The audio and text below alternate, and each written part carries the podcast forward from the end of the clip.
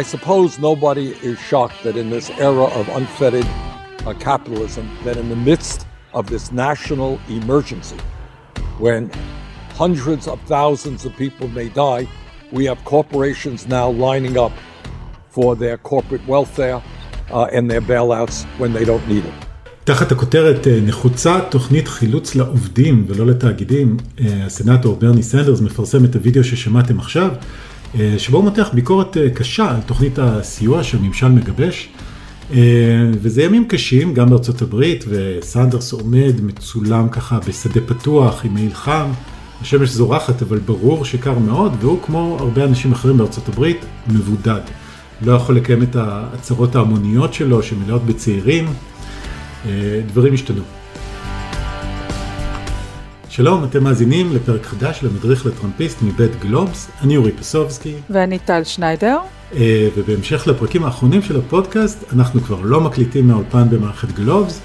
למעשה, עוד מ-4 במרץ, אנחנו עובדי גלובס קיבלנו הנחיה לעבוד מהבתים, ולכן אנחנו ממשיכים בהקלטת הפודקאסט מהבית, ותודה לכל מי שאיתנו ומאזין. ואנחנו מתנצלים מראש אם לפעמים שומעים איזה ילד צועק ברקע, או את הכלב של השכנים, או סתם פתאום יש איזה קול דיגיטלי כזה, מקווים שתקבלו בהבנה. בכל מקרה, היום בפודקאסט אנחנו חוזרים לדבר על הפוליטיקה האמריקאית, כמובן בצל המשבר הבריאותי, שהוא גם כלכלי, חברתי ומה שלא תרצו.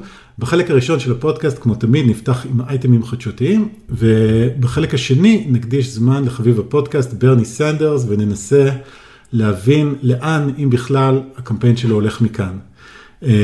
כי כידוע לכל, סגן הנשיא לשעבר, ג'ו ביידן, פתח פער בספירת הצירים, יש לו כבר 1215 לעומת 909 לברני, קשה לראות איך סנדרס יכול להמשיך מכאן. ולכן אנחנו לא מכינים מסיבת אלה הם חייך ברני, אבל כן עוסקים במין סיכום ביניים של הקמפיין שלו. יש לנו אורחים מיוחדים על הקו היום, בזום, חבר כנסת לשעבר, מחדש והמשותפת, דוקטור דוב חנין, היום מאוניברסיטת תל אביב, ומפיק הסרטים ברק היימן, שניהם עוקבים צמודים של האיש ופועלו, ונגיע אליהם בהמשך הפרק. כן, ואני אספר לכם בפתח הדברים שלא בחרנו את חנין והיימן סתם.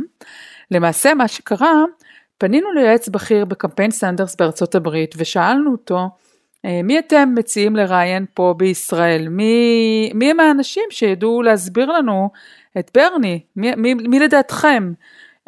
אותו היועץ, שאני שומרת את השם שלו אצלי, אבל אתם תהיו חייבים לסמוך עליי, מדובר באדם בכיר בצוות של ברני, הוא זה שהציע את השמות, אז הסתדר לנו גם עוד לפני ההצעה שלהם, אנחנו חייבים להגיד שכבר חשבנו ככה על חנין, אז הנה, זה החבר'ה שהם הברנילוגים שלנו, מומחי ברני, וקודם כל אורי, שני אייטמים חדשותיים, מה, מה אתה מביא לנו מבחינה חדשותית היום? זהו, כל כך הרבה דברים מתרחשים, כל שעה יש תחושה ככה של מספר שנים שנדחסות לתוך שבוע, ואת יודעת, מין כזה סדרת מתח, התפרצות, מגפה עולמית, עם דרמות פוליטיות בכל יבשת שמעצימות את המצב.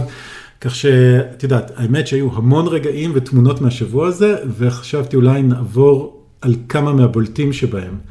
אולי נתחיל בסנטורים, סנטור הרפובליקני, רנד פול ממדינת קנטקי, שהיה הסנטור היחיד בסנאט שהצביע נגד חבילת הסיוע הקודמת, חבילת החירום למאבק בקורונה, בסך 8 מיליארד דולר לפני חודש.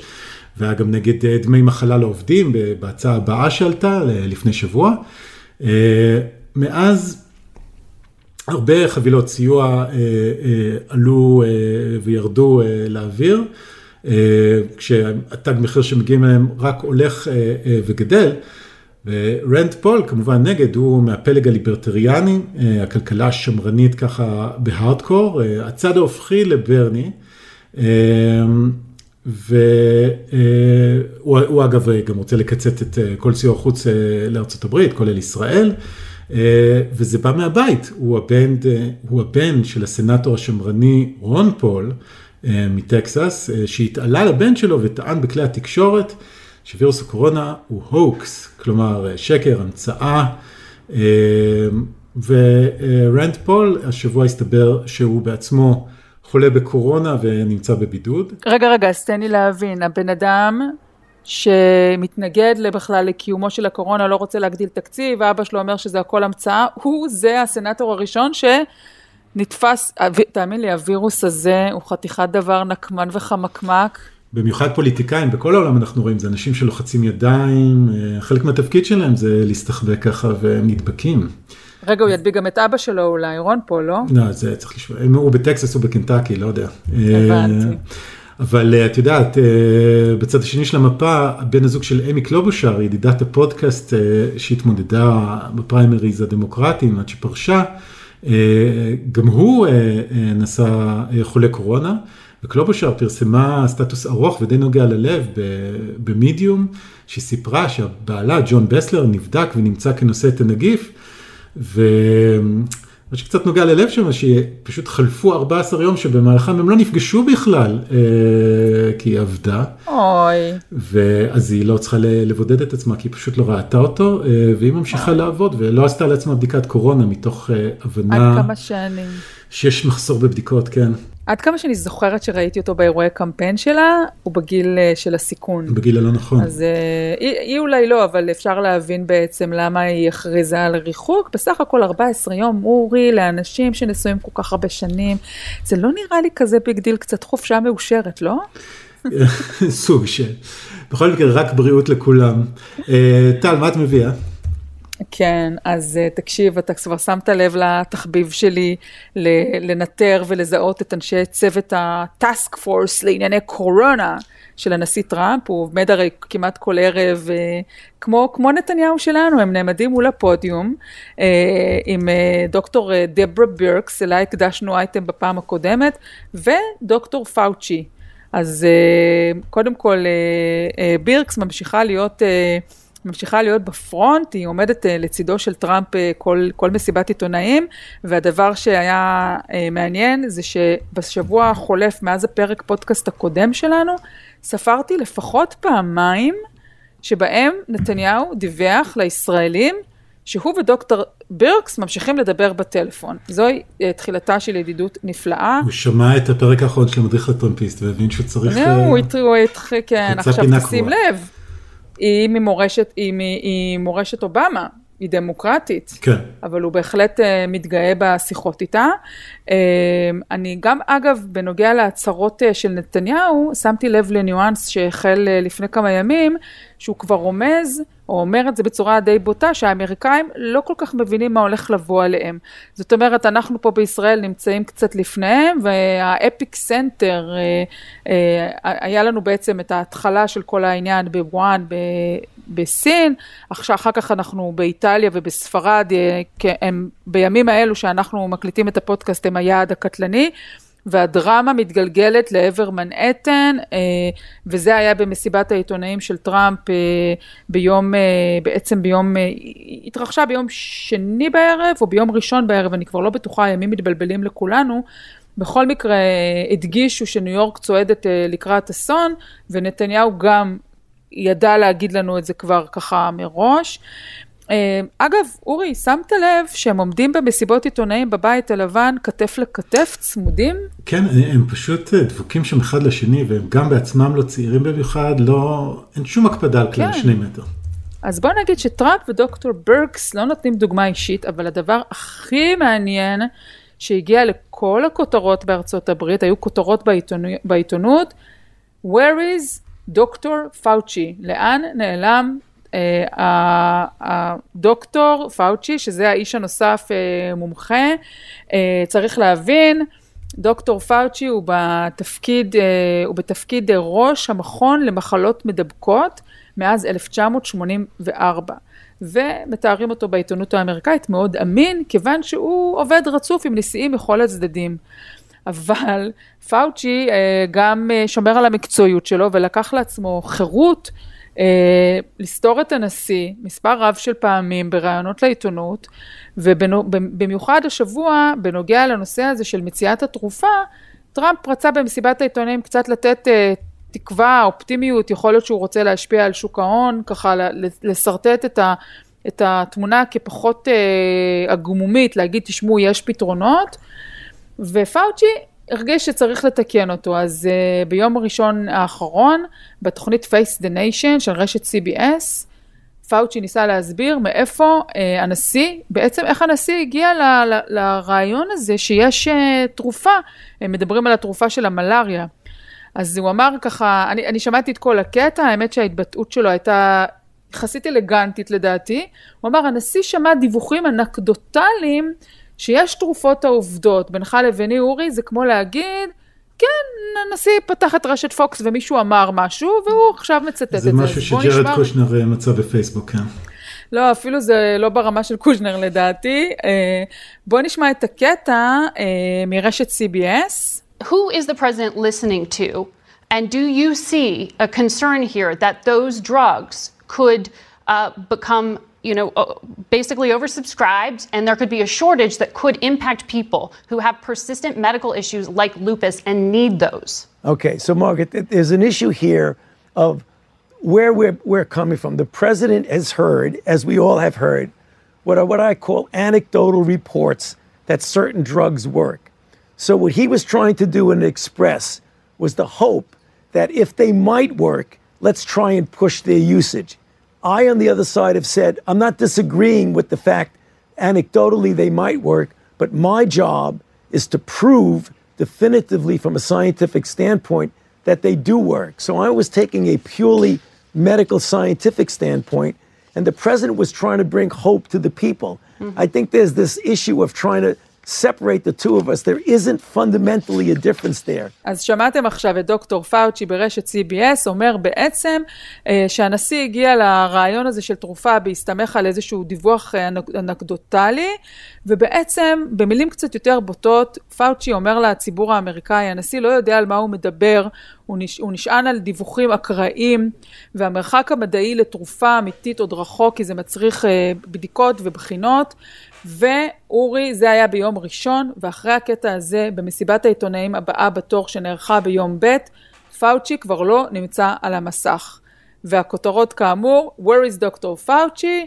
הציבור בהיסטריה, אתה רואה, גם בישראל צורכים כל פיסת מידע וכל דבר קטן כזה משגע את האנשים, וכל הסיפור גם מופיע בעיתונות. בניו יורק טיימס אה, נראה מהכתבה שהתפרסמה שהנשיא תדרך אותם והסביר להם מה הולך מאחורי הקלעים, ואמר להם בעצם, הרבה שעות לפני שהתחילה אותה מסיבת עיתונאים, ישבתי עם דוקטור פאוצ'י והתייעצתי איתו.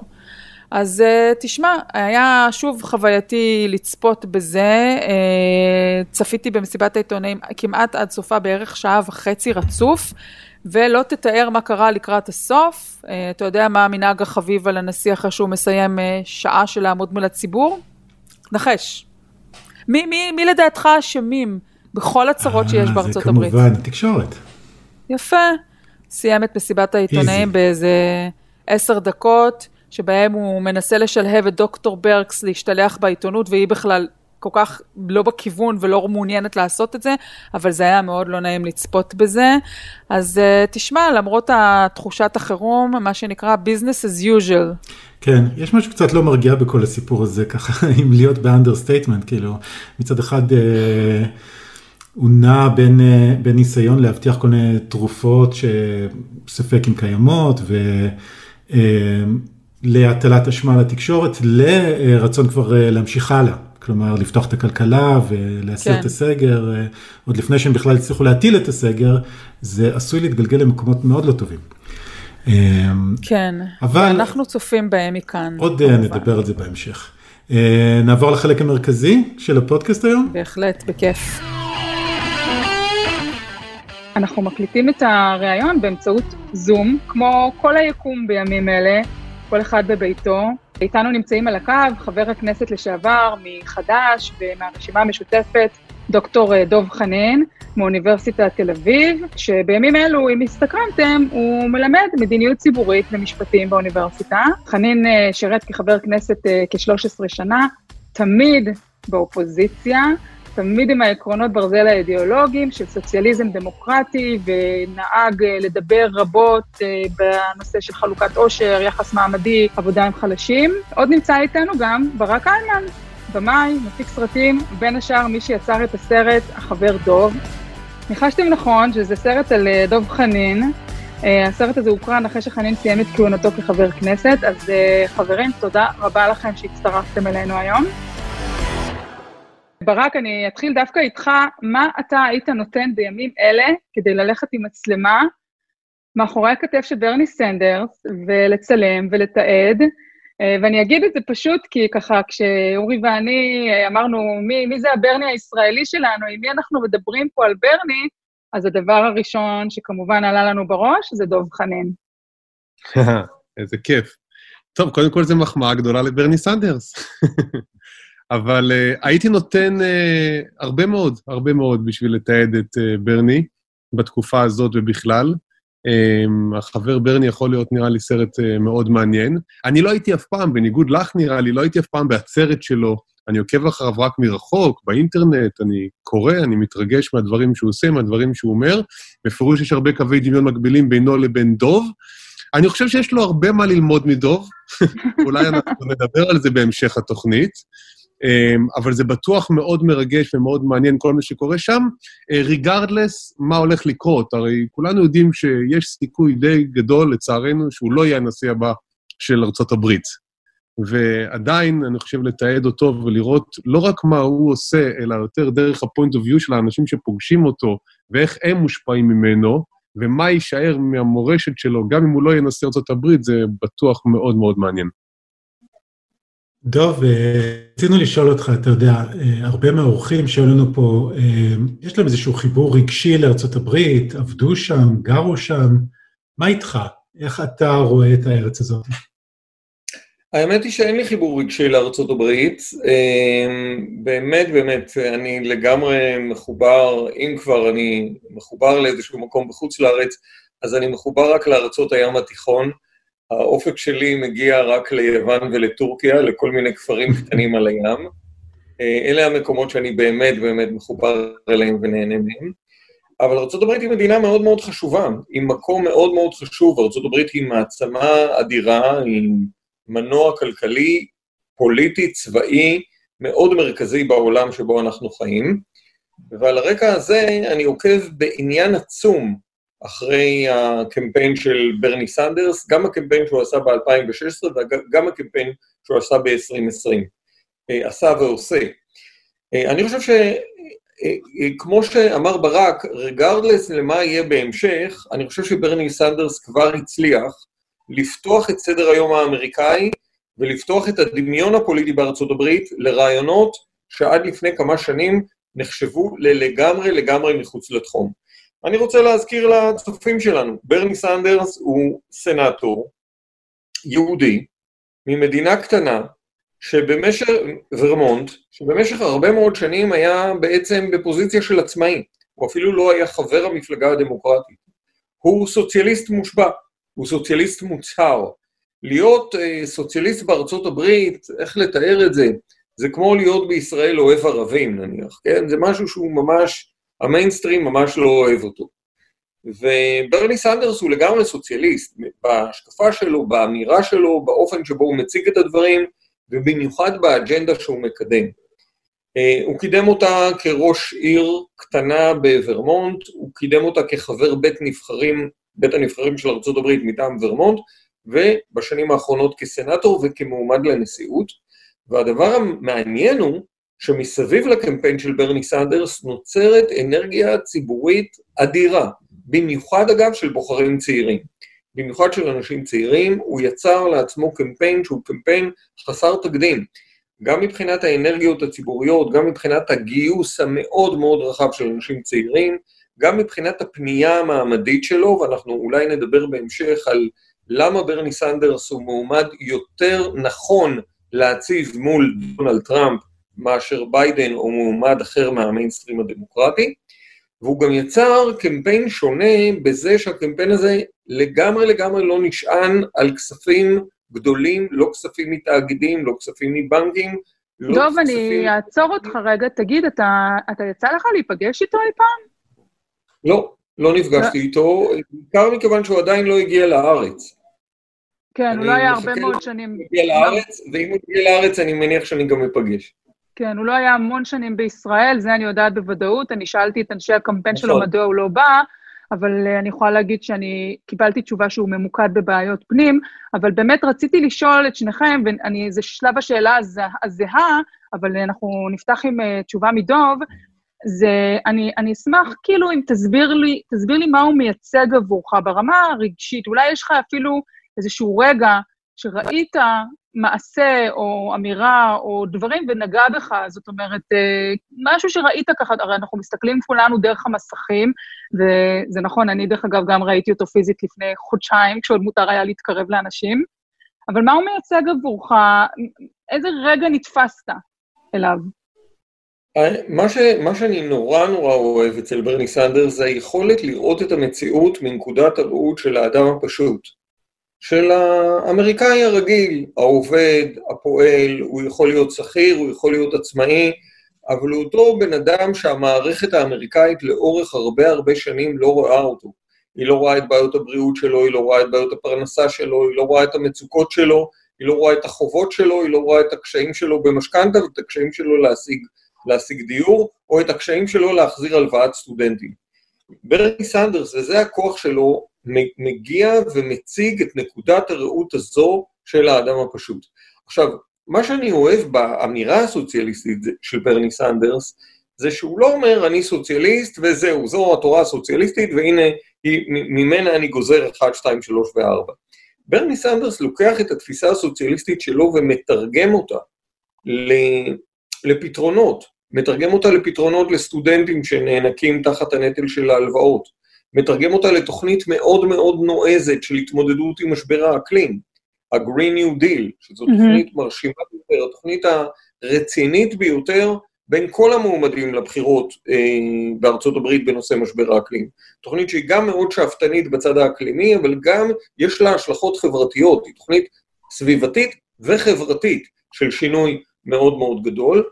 אה, התוכנית שלו של ביטוח הבריאות לכל, תראו, לפני חודש או חודשיים, אני חושב שלרוב האמריקאים, לרוב האמריקאים, התוכנית הזו נראתה רדיקלית מדי.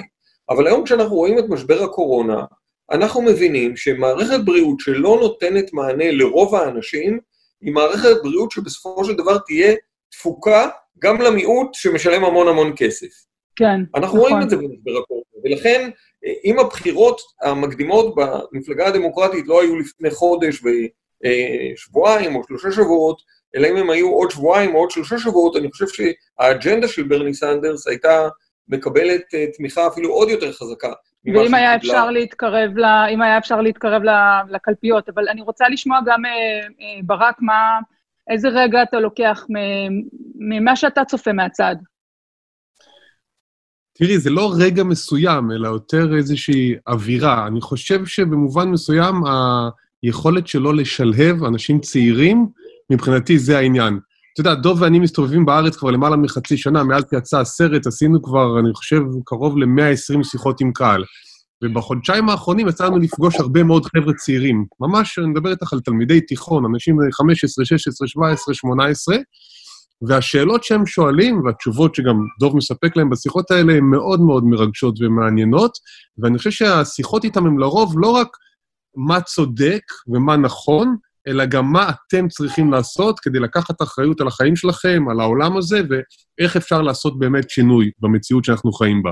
וברני מצליח לעשות את זה שם מול הרבה מאוד צעירים, זאת אומרת, מיליונים של צעירים שמתנדבים, משקיעים הרבה מאוד זמן פנוי בלתרום את היצירתיות שלהם ואת האנרגיות שלהם לקמפיין שלו.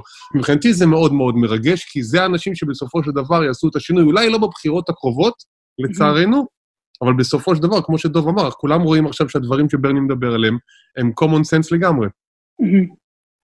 דוב, אני רוצה לשאול אותך שאלה, שאלה שאולי קצת אה, מאתגרת. אה, אתה יודע, אה, ו- ואני פונה לך כמישהו עם אה, בעל ניסיון פוליטי, שיודע לקרוא את המפה הפוליטית. אתה יודע, אתה מדבר על, אה, על ברני כדמות שמעוררת השראה, והוא באמת אכן הצליח לשנות את השיח הציבורי ולקחת את המפלגה הדמוקרטית שמאלה.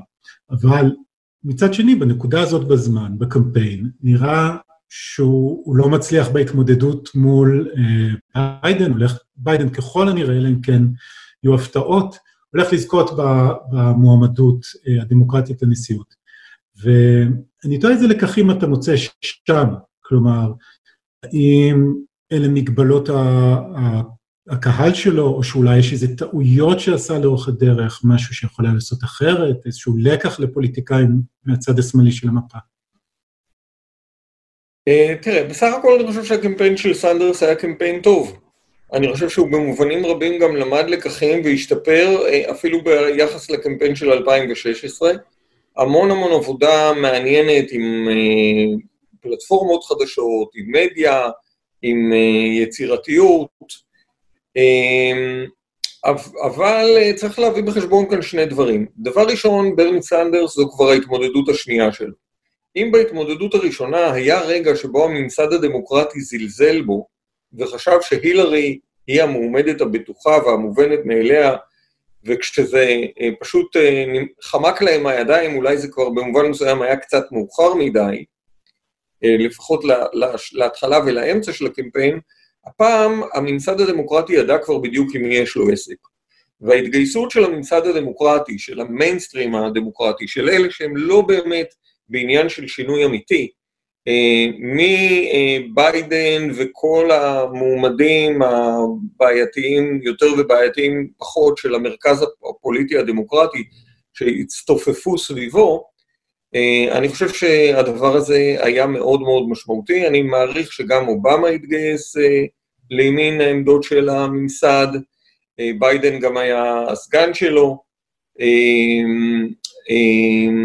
ואני חושב שמול הגיוס המאוד מאוד מסיבי של כל המיינסטרים הממסדי, הדמוקרטי, סנדרס לא הצליח לייצר חזית פרוגרסיבית מספיק רחבה. אני מאוד הצטערתי שלא נוצרה אה, חזית או איזושהי שותפות בין אה, סנדרס לבין אליזבת וורן. אה, וורן היא סנטורית מאוד מרשימה, העמדות שלה לא זהות לעמדות של ברני סנדרס, אבל יש לא מעט נקודות קרבה, והם שניהם שייכים לאגף הפרוגרסיבי של המפלגה הדמוקרטית. אני חושב שאם הם היו מצליחים לייצר אה, אג'נדה משותפת ואולי אפילו גם ריצה משותפת בטיקט משותף, הסיכוי שלהם לנצח את החזית, ה... אה, את חזית הסירוב הזו של הממסד הדמוקרטי הייתה יותר גדולה. אני מאוד מאוד מצטער על כך שביידן כרגע נראה מועמד מוביל. אני חושב שביידן הוא מועמד מאוד מאוד לא מלהיב. אני מאוד חושש מההתמודדות שלו מול טראמפ. אני חושב שלברני סנדרס היה סיכוי הרבה יותר טוב לנצח את טראמפ מאשר לביידן. אה, קודם כל, מכיוון שברני סנדרס מייצר התלהבות ואנרגיה, וביידן לא. ומעבר לזה, מכיוון שברני סנדרס יודע לדבר לאותו מעמד פועלים שבמדינות אה, מפתח, כמו פנסילבניה, כמו וויסקונסין, כמו אה, אוהיו, מכריע את הכף והכריע את הכף בסופו של דבר בבחירות של 2016 לטובת אה, טראמפ ונגד קלינטון, שנתפסה גם היא כמועמדת מאוד ממסדית. אני מאוד מאוד חושב... אה, צריך להגיד שמצד שני, אה, ביידן מצליח לדבר לשחורים, וסנדרס היה, היה ועודנו בפיגור מאוד גדול אחרי הקול השחור, ראינו בדרום נהירה ממש, והשחורים אי אפשר להגיד עליהם הרבה דברים, אבל זה עניים ומעמד נמוך פועלים, זאת אומרת, שמה לסנדרס לא היה פריצת דרך. תראי, היה, הייתה פריצת דרך מסוימת. אם אנחנו אה, מסתכלים על ה breakup אה, של ההצבעה השחורה, אנחנו רואים שבקרב מצביעים שחורים צעירים, אה, סנדרס הצליח. Mm-hmm. הגיל ניצח את ה, את ה... נקרא לזה את הצבע. כן. כיוון שסנדרס מאוד חזק בקרב צעירים, אם, אם אנשים הם שחורים וצעירים, אז הם יותר הצביעו כמו צעירים מאשר כמו אה, אה, רוב המצביעים השחורים. זה נכון שבסך הכל כיוון שרוב המצביעים השחורים בפריימריז הם, הם מבוגרים. אה, זה נכון okay. אוקיי. שבקרב המצביעים השחורים סנדרס לא הצליח, אני חושב שבין היתר בגלל הזיהוי המאוד גדול של אה, ביידן עם הנשיאות של אובמה. אובמה. אוקיי, שאלה על, אה, על פרגמטיות ועל עקשנות, וגם אני אה, אשמח אם ברק אה, אה, יתייחס. אתה יודע, אנחנו רואים היום אין ספור סרטונים, ובעצם, אתה יודע, מהאלמנטים הוויזואליים החזקים, שמראים את ברני סנדרס טוען את אותם הטיעונים משנות ה-60, משנות ה-70, משנות ה-80. עכשיו, הצעירים של היום ראו, זה היה חלק מאוד חזק מהקמפיין של ברני, להראות אותו כאדם צעיר, אה, עומד ו- וטוען את הדברים, ולהגיד, הנה, תראו, הוא אומר לכם את אותם הדברים, זה אדם יציב, אבל אחת הביקורות המאוד קשות על ברני סנדרס זה היעדר פרגמטיות שלו, זה היכולת, ויש לזה הוכחות בעשרות שנים שלו קודם בבית הנבחרים ואחר כך בסנאט, שהוא עקשן ולא מתפשר. ובפוליטיקה, באמת, אה, בשביל להגיע לצמרת, בשביל להתקדם, צריך לדעת לשבור את המעגל הזה. אז אה, איך... אה, בתחושה, אני בתחושה שכאילו הרגשנו שזה ידוע שהוא לא יצליח בסוף, כי הוא כל כך עקשן. בואי נגיד שאם הייתי עושה את החבר ברני, כנראה שלא הייתי מצליח לגייס כל כך הרבה רפובליקנים, או גם חברים מהמפלגה הדמוקרטית לפרומו של הסרט, כמו שהצלחתי לשכנע 19 אה, חברי כנסת, שרים, ראשי ממשלה לשעבר, נשיאים, אה, לדבר אה, גם בשבחו של דוב. אני חושב שמעבר להומור מסתתרת מאחרי זה שיטת עבודה, שאני באופן אישי מאוד מאוד מעריך, וזה היה אחד הדברים שמאוד ריגשו אותי כשהייתי עם דוב מסתובב בכנסת. לראות אותו נלחם במירי רגב בכל הכוח, כשהיא יושבת שם באחת הוועדות, דוב תתקן אותי אם אני טועה, אני חושב ועדת הפנים, לגבי בקשות הפליטות של החבר'ה שמגיעים מאריתריאה או מסודאן, ומשקרת במצח נחושה על זה שנבדקת כל בקשת פליטות באשר היא, ודוב נכנס בה בכל הכוח. ו-20 דקות אחר כך הוא יושב איתה בוועדה אחרת, בחדר אחר, אה, לגבי הנושא של אה, מפוני גבעת עמל, ושם, מכל מיני סיבות שהן, הם באותו צד של המתרס, ויש להם אינטרסים חופפים ואידיאולוגיה חופפת אפילו, שהאנשים האלה צריכים לקבל אה, מענה, אחרי שתשובה וקוזאינוף, עיריית תל אביב, ישראל, וכולם רוצים לגרש אותם. וברק, זה מה שאנחנו קוראים על ברני סנדרס, אנחנו קוראים עליו כל הזמן, כמה הוא לא נחמד, כמה הוא לא נעים, כמה הוא עקשן. הוא בעצמו מספר את זה. אז יש פה אלמנט חמור. של פוליטיקאי שמתקשה אולי לצאת מהלופ הזה.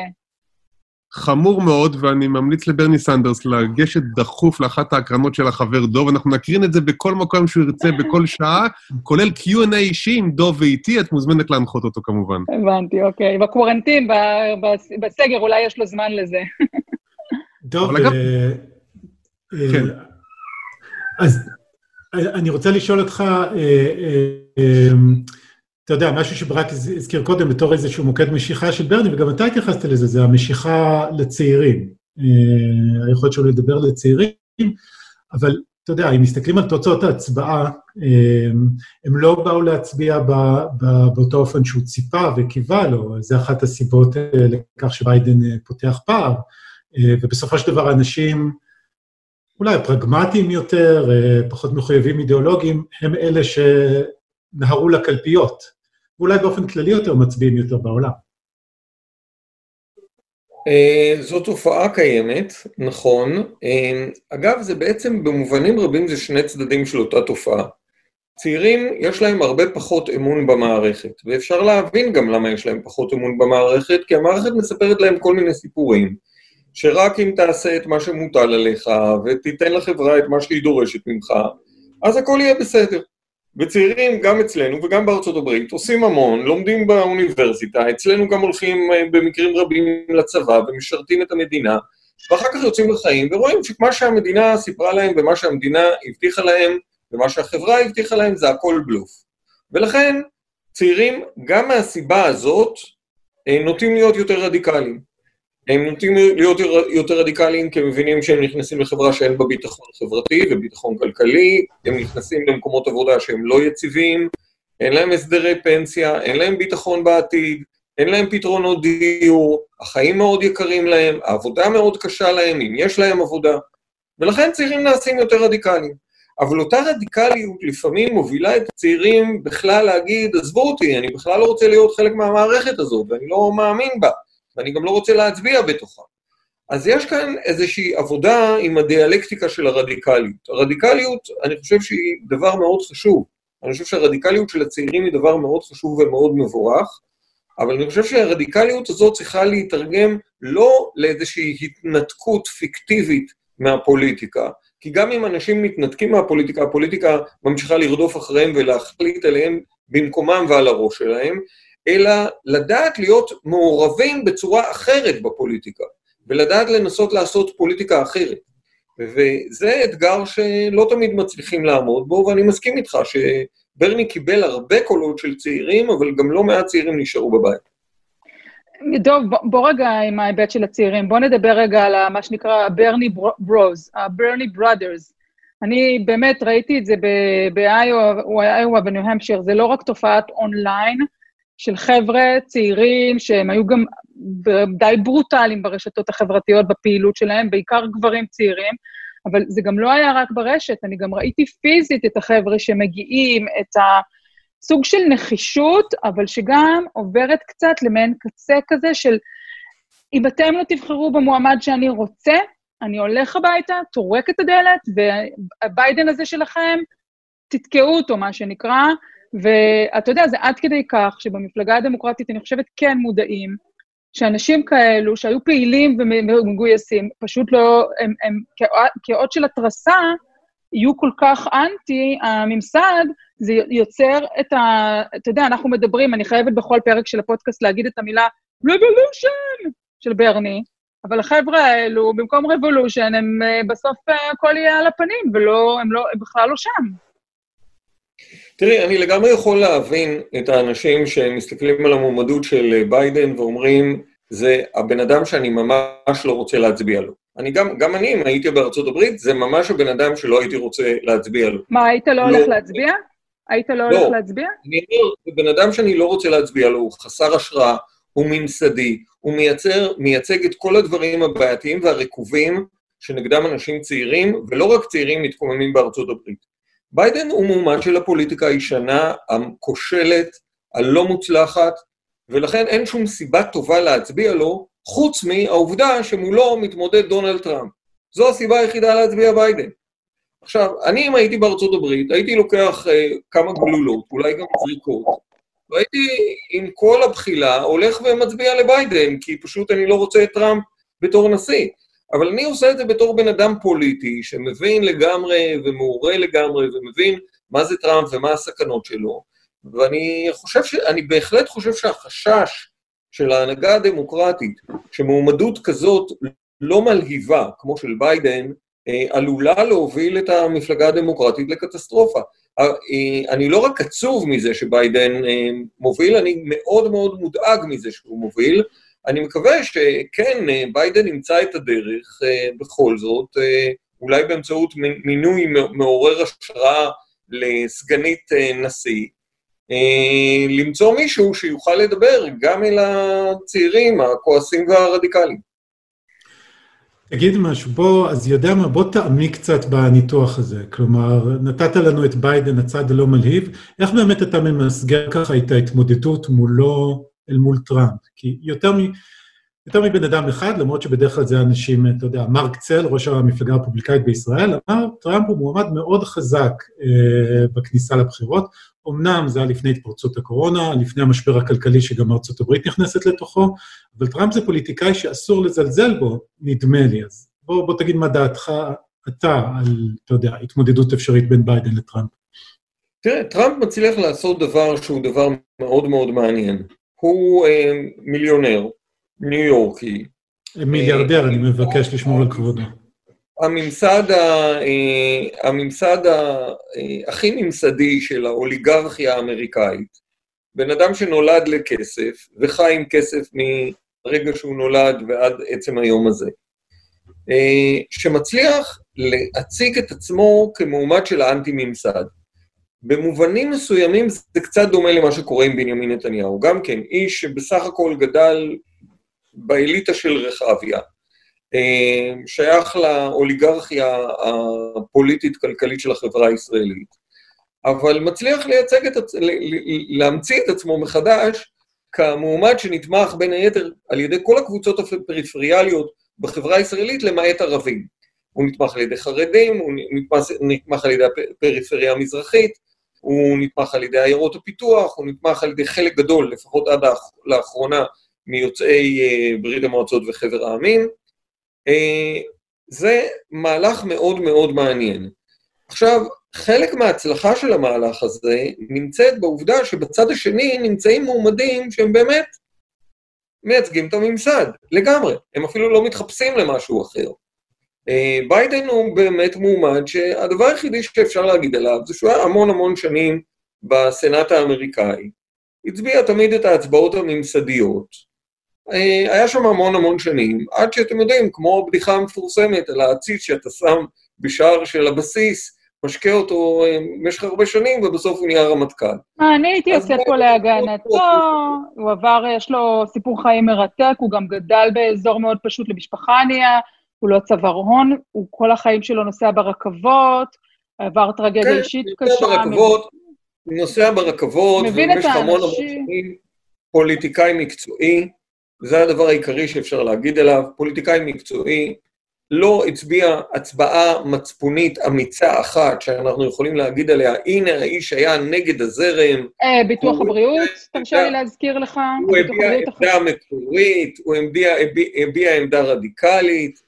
אבל דוב, אתה אומר על, אה, על אה, ביידן כל מיני דברים, אבל הוא היה זה שהעביר את אה, ביטוח הבריאות בסנאט, הוא ישב שם ועבד על זה, אי אפשר להגיד שהוא לגמרי מנותק ולא מבין את הצרות ואת הדברים, ש, ש, את הצרכים. לא, הטענה שלי זה לא שהוא מנותק.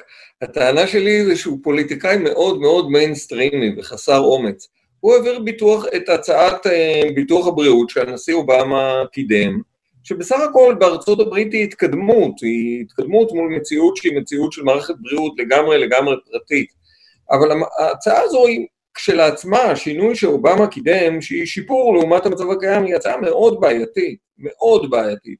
היא הצעה שבעצם נשענת על מערכת פרטית של חברות ביטוח פרטיות, והיא לא בעצם חותכת את הקשר הגורדי הזה של מערכת בריאות מאוד מאוד לא שוויונית, מאוד מאוד לא יעילה, מערכת הבריאות היקרה בעולם, מערכת הבריאות האמריקאית, שממשיכה לייצר את התוצאות הכי גרועות בעולם, שזה דבר ממש פרדוקסלי מבחינת התוצאות של מערכת הבריאות האמריקאית.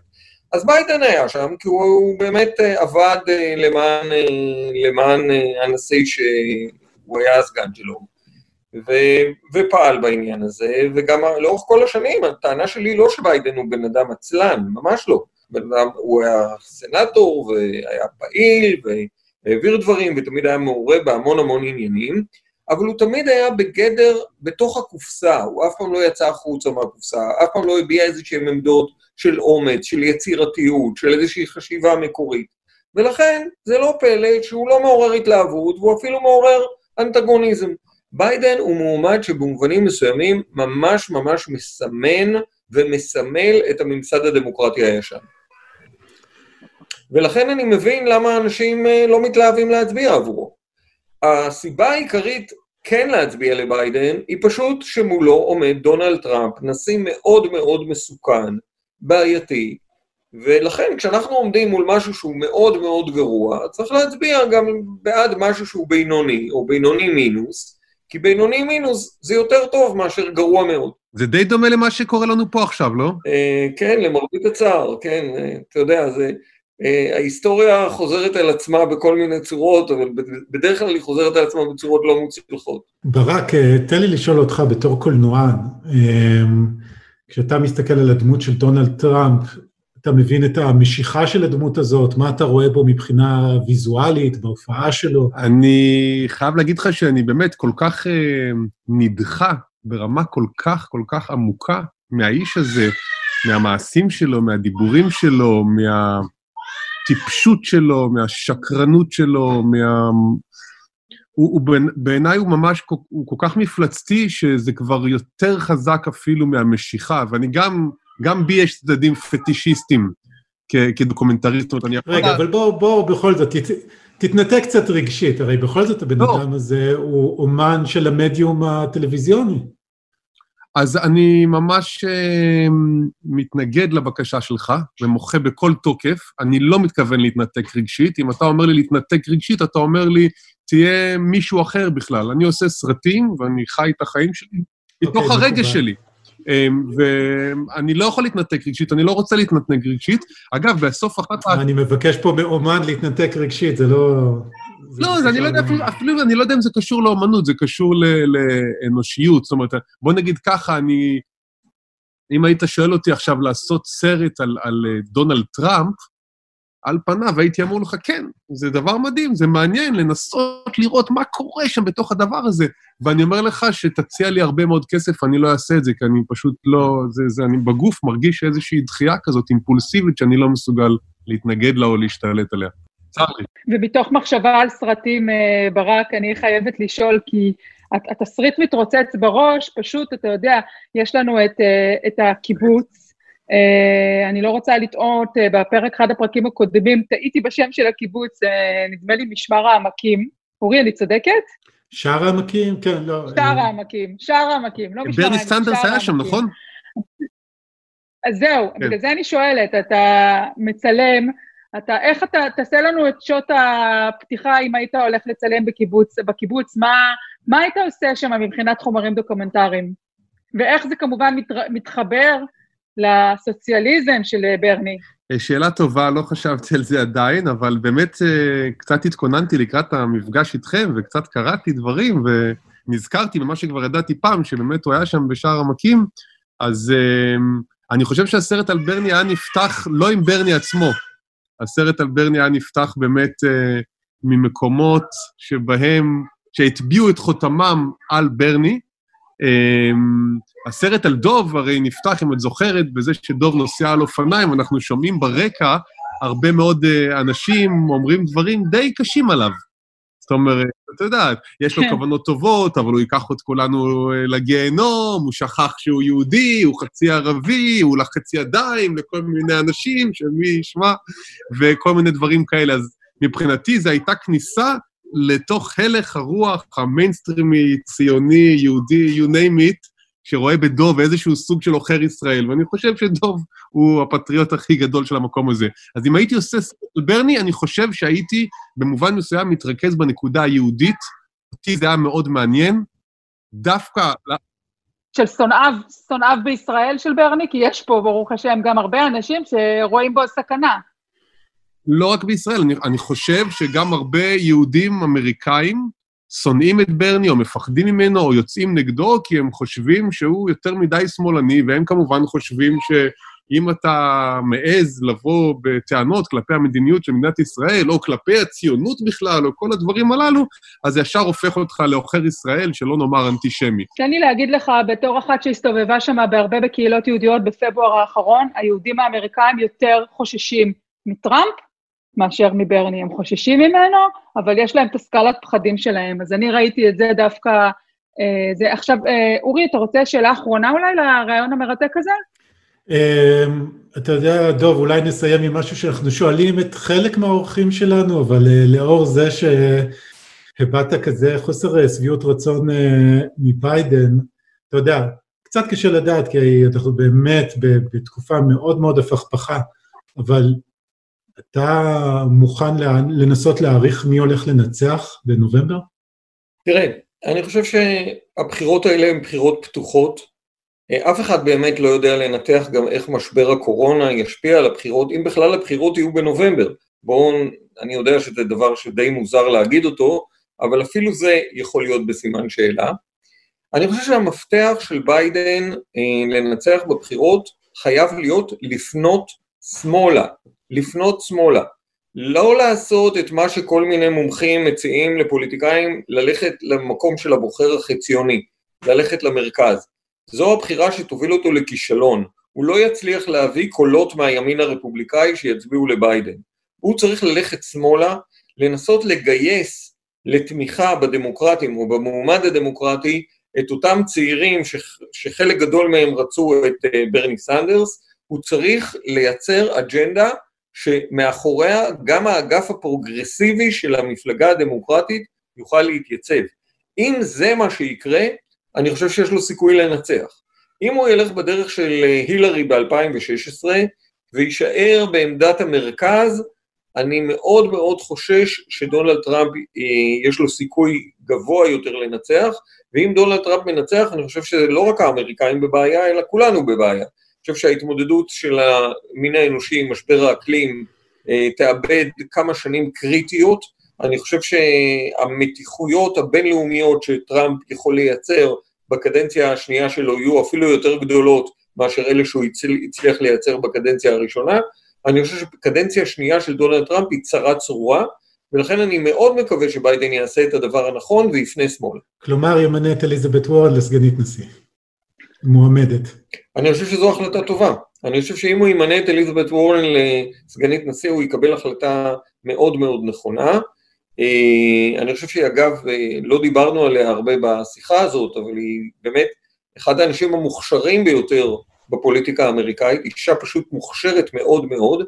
אני יכול להגיד לך שכשהתכוננתי לעבודה של ועדת החקירה הפרלמנטרית שניהלנו בכנסת אה, סביב פרשת פישמן, הוועדה שחקרה את ההתנהלות של הבנקים והמוסדות הפיננסיים הגדולים, אני אה, הסתכלתי על כמה מהחקירות שהיא ניהלה בארצות הברית, ומאוד התרשמתי מצורת העבודה שלה, מהמקצועיות שלה, מהידע שלה, והנכונות שלה להתמודד באומץ מול אה, הכסף הגדול בארצות הברית. טוב, חברים, אה, מצוין, נעמתם לנו מאוד, היה מאוד מעניין לשמוע את התובנות שלכם, אז תודה על המאמץ. המאזינים של הפודקאסט לא מודעים לזה, אבל ברק פה יושב איתנו מתוך אוהל במרכז הסלון. אם שמעתם כמה רעשי רקע, זה כי הדלת של האוהל, הוא חסם אותה בבלוקים ולא נתן לילדים לקפוץ עליו. ושלא לדבר אה, דוב אה, ספון בביתו. אה, כן, וגם אנחנו כאן מראיינים ככה בסאונדים רחוקים, אז אני מקווה שהמאזינים הצליחו לגבור על הקשיים שלנו ולשמוע דברי החוכמה, אז תודה רבה לכם שהצטרפתם אלינו. תודה טל ותודה אורי, ואני מאחל לכולנו וגם לצופים שלנו, קודם כל הרבה בריאות. תודה רבה. טוב, אורי, הגענו לחלק הנחמד, איתו אנחנו מקנחים את הפודקאסט. הפינאץ שלנו, הדברים הקטנים והאנקדוקטליים, אתה רוצה להתחיל או שאני אתחיל? לא, נתחיל זה. תתחיל אתה. אתה, אתה. אוקיי. כי הבטחתי לך הפתעה בסוף, נכון? אוקיי, אבל גם לך מצפה הפתעה. Uh, התוכנית של אלן דה ג'נרס יצאה לחופשה, היא מחפשת מה לעשות עם עצמה. אה, אז היא יושבת בבית ומתקשרת לכל מיני סלבים, מעלה אותם לפיד האינסטגרם שלה, אה, כמו שכולם אגב עושים עכשיו. אתמול היא התקשרה למישל אובמה, אה, את בטח מבואסת שהילדות חזרו הביתה, כי סיפרו שאת מאושרת שהן כבר בקולג'. But um, I just want to apologize, uh, or not apologize, it's not my fault, but just my condolences that the kids are home because you were expressing how happy you were that they were gone. I know, I know. I shouldn't have, I, I shouldn't have boasted about that. Yeah. It's like, you know, the gods that were getting me back. Right, exactly. Yeah, you're happy they're gone? they're back. Um. טוב, אז זה היה באמת הקטע מתוך החשבון האינסטגרם הנחמד שלה. מישל אובמה, אשתו של הנשיא ברק אובמה לשעבר. אתה רוצה לדעת מה אני הכנתי לך? הפתעה יפה. קדימה. אז אמר ניל דיימונד, אתה יודע, הוא תקוע, כמו, כמו אלן דה ג'נרס, גם הוא תקוע בבית. אז הוא ישב ליד האח, הביא את הכלב, לקח את הגיטרה, והחליט להחליף את המילים של השיר Sweet Caroline. Uh, הוא נתן לשיר החדש, למלל החדש, טוויסט עדכני בנוגע לניקיון ומגע כפות ידיים. Uh, תכף אנחנו נשמיע לכם את זה, אני רק רוצה להגיד שניל דיימונד הוא בן 79 כבר, למי שלא יודע, הוא פרש לפני שנתיים מהופעות אחרי שהוא אובחן כחולה פרקינסון. אז בואו נשמע אותו מביתו בקולורדו, ומי שמחפש את, ה, את השיר בעמוד הטוויטר שלו, כדאי, זה פשוט מקסים, תוכלו גם לראות את הכלב החמוד שלו משתתף. Give it a try, okay? Where it began I can't begin to knowing But then I know it's growing strong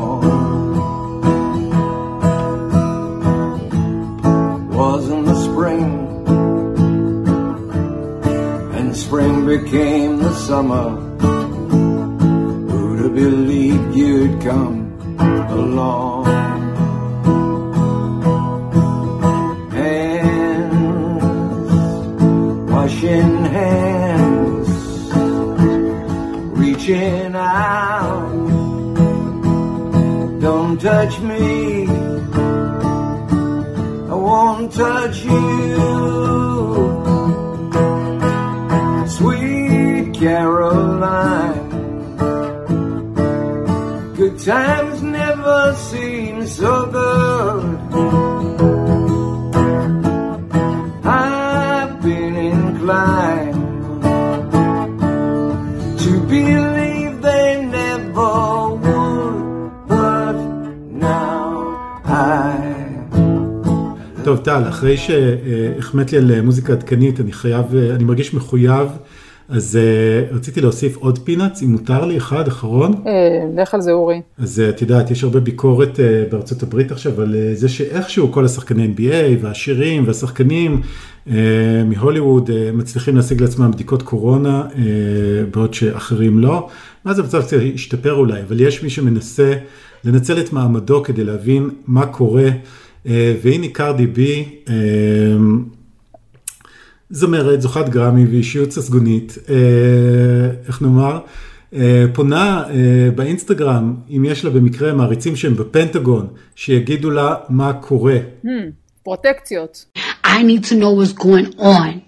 If you work at the fucking Pentagon, let a bitch know. Because I need to fucking know. I need to fucking know, nigga. I don't know if you could tell, but I'm losing my fucking mind. I wanna get dressed up. I wanna put a fucking lace front on. I wanna put my fucking expensive outfits and I want to go fucking out. אה, מעניין לראות איך זה יתגלגל, אה, אם מישהו ענה לה. בכל מקרה, אה, תודה לעורך הפודקאסטים רון טוביה, למרואיינים שלנו, דב חנין וברק היימן, ואתם מוזמנים כתמיד לעקוב אחרינו, אה, לעשות follow, subscribe, לדרג אותנו, וגם להצטרף לקבוצת המדריך לטרמפיסט בפייסבוק, כי מה עוד יש לעשות בבידוד. אני אורי פסובסקי, אני טל שניידר, אה, בריאות ואריכות ימים לכולם. ביי.